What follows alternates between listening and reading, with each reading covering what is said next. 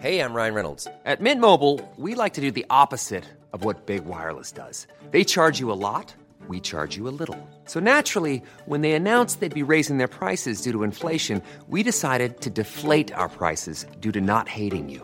That's right. We're cutting the price of Mint Unlimited from $30 a month to just $15 a month. Give it a try at mintmobile.com slash switch. $45 upfront for three months plus taxes and fees. Promo rate for new customers for limited time. Unlimited more than 40 gigabytes per month. Slows. Full terms at mintmobile.com.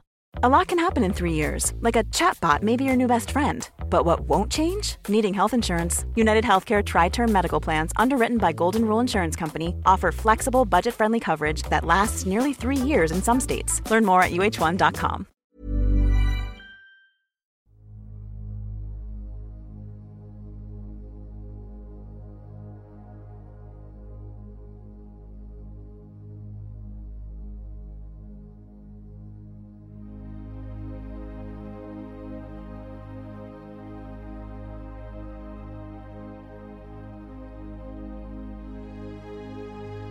Ljus eller mörker gäller människor i den fysiska dimensionen och varelser i alla andra dimensioner.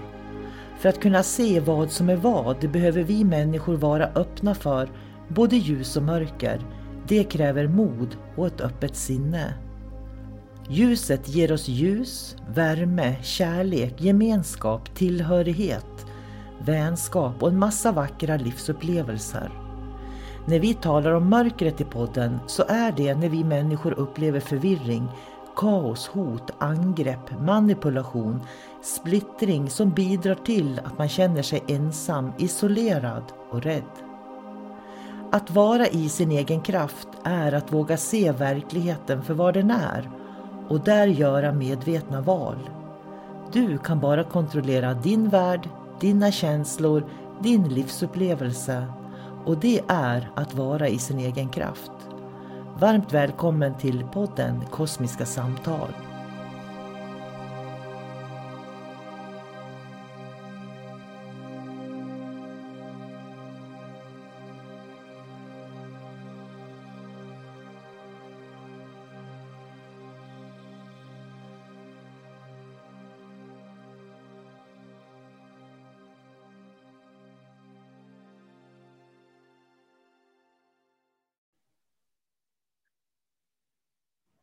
Hej, jag heter sol karina Varmt välkommen till Kosmiska samtal som jag har med David. Så jag säger också hej och välkommen till David. Hej och tack så mycket. Eh, frågan är om eh, är man djurvän David om man eh, smäller en mygg på armen? Ja, eh, mygga det är en insekt i och för sig. Eller jag skulle snarare säga ett, medvet ett medvetande. Ja, har vi rätt att, att döda ett medvetande då? Mm när det kommer en mygga och sätter sig och börjar suga blod? Ja, jag tycker ändå det. För jag menar, det finns ju olika hierarkier här, här i, i världen och om något djur gör ett angrepp på mig så då måste jag få försvara mig från myggan. Eller från frugan, för det är faktiskt de som har kommit till mig och sökt gräl om man säger så. Har du dåligt samvete för det? Absolut inte. Så du sätter inte och grämer dig över att du har dödat en mygga då? Nej, och det måste ju också höra ihop med vilken medvetande nivå själva djuret har också. Men ja, om det... ja. Nej, men jag tänker så här, det finns ju såna här buddhistiska traditioner som inte dödar något nå djur överhuvudtaget, som absolut inte skulle döda en mygga utan putta undan den då, om man säger så. Men det är ju ändå ett förhållningssätt som de har valt att nu ska jag öva på att ha medkänsla eller vara snäll mot alla levande varelser. Men jag tänker, lejonet på savannen kan ju inte springa iväg efter att ha ätit upp en antilop och sitta och ha skuldkänslor för att den har ätit upp en antilop. Liksom. Så jag tror ju att vi lever i en hierarki. Det är hierarkiskt. Och, där, och det är det som ger oss rätten att, att panga en mygga som kommer och sätter sig på mig faktiskt. Eh, jag menar, jag menar också att det är ju, jag brukar prata om spelregler. Alltså våran värld har ett system som består av olika spelregler. Och eh, det är de som råder just nu, helt enkelt. Som du pratar om lejonet, det, den ska ju ha mat. Men hade den, eh, om den bestämde sig för att bli vegan till exempel, då skulle den svälta ihjäl och dö. för att den tyckte så synd om sina bytesdjur. Så det fungerar ju liksom inte. Och sen är det ju också det här att djur eller människa, alla har ju rätt att freda sig själv mot en attack. Med den fria viljan så säger man nej. Jag vill inte ha en mygga här, men myggan kan inte förstå ett nej. Och därför så måste jag slå ihjäl den, för jag, jag måste också ha respekt för mig och mitt liv. Men det är så spännande, för det finns så mycket nyanser i det här. Jag tänker på djurparker till exempel. Som I Lycksele har vi en jättefin djurpark där det är bara svenska djur. Så där får man ju se hur, hur lodjur ser ut, hur järv ser ut, ren, älg, alla de här svenska djuren som vi har. Jag tycker det har varit, och björnarna, man ska inte prata om hur, hur, hur fin kontakt och man kan se björnar i Lycksele djurpark. Och då tänker jag, när jag har tagit dit mina barn så har det varit fantastiskt för att de har fått se djur som de aldrig skulle kunna få en relation till annars. Och då är det ju många som tycker att ja, det är fel med djurparker för man ska stänga in och låsa in djur och sådär. Men jag tänker liksom att det ska ju inte bli ett nöje utan det ska ju vara kultiverande på något vis. Att jag ska kunna lära mig någonting om de här djuren. För i, i Lycksele har de ju inte tagit in zebror, åsnor och elefanter, liksom, utan det är verkligen de här svenska djuren. Och jag tycker det har varit jättestort värde för mina barn att få ta del av de här djuren finns i Sverige. Precis som man på Kolmården kan kanske ta del av djur som finns i övriga världen. Men många djurrättsaktivister och sådär, de tycker att det är fel. För de tycker inte att man ska hålla djur fångna. Och jag kan förstå det perspektivet. Men det som jag tycker är så ironiskt är att de här djurrättsvännerna då, de har hundar, katter, fåglar, kaniner och de har egna djur som de håller fångna.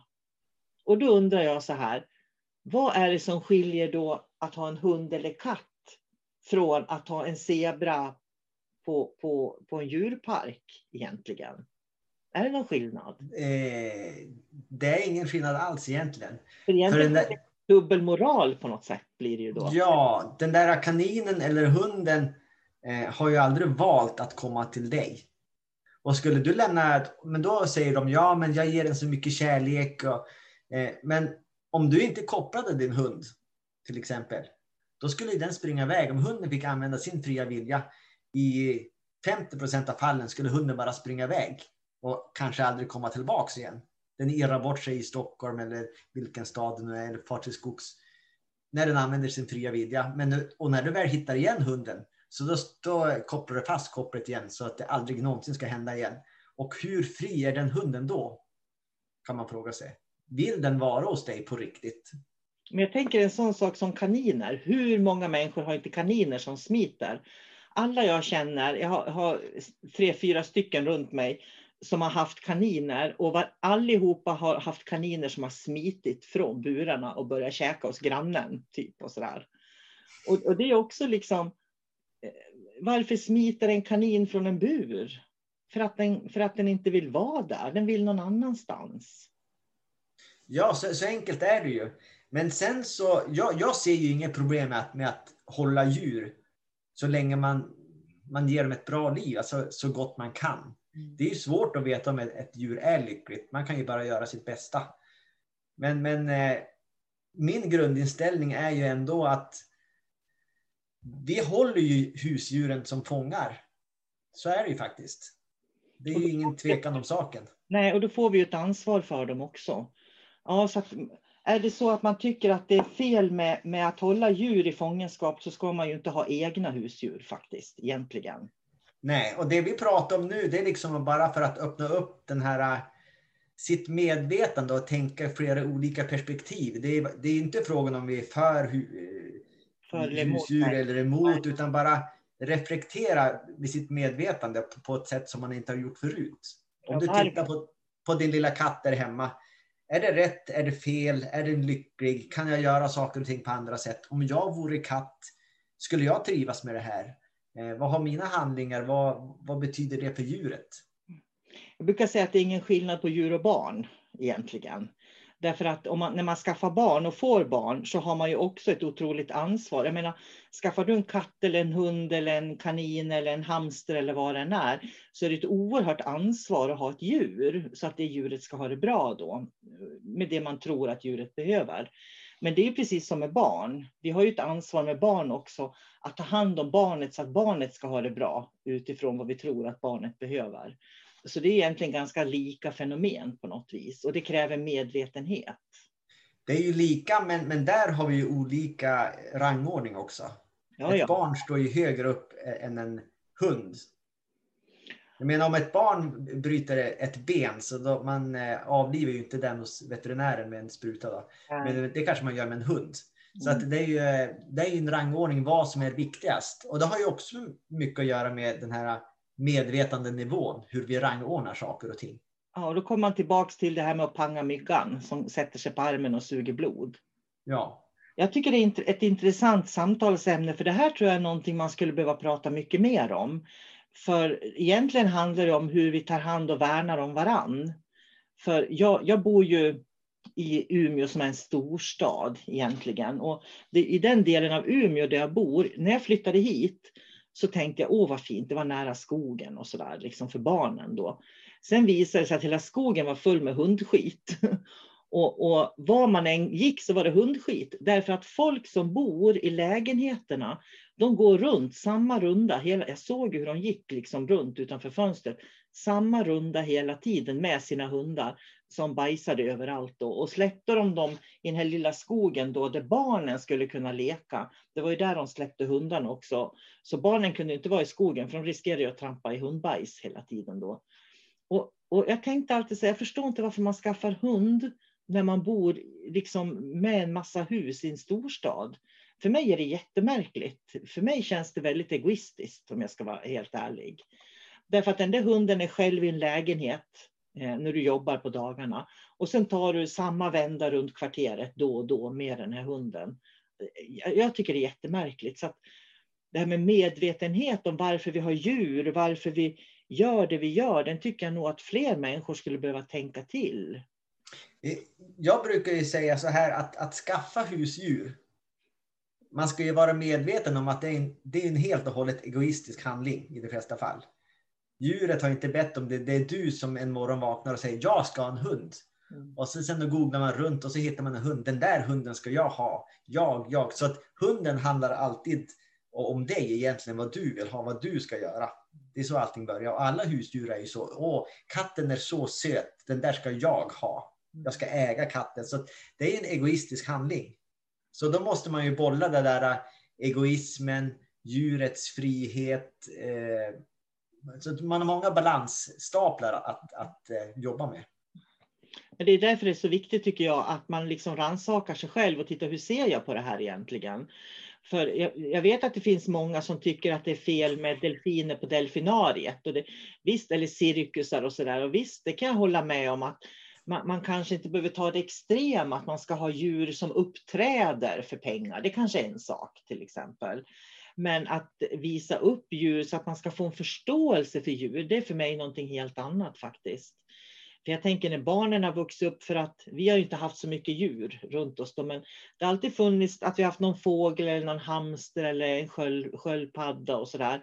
Och det är ju mer för att barnen ska få lära känna hur man tar hand om djur så att de ska vårda djuren. Så det är därför som jag har skaffat djur, till exempel då när barnen växte upp.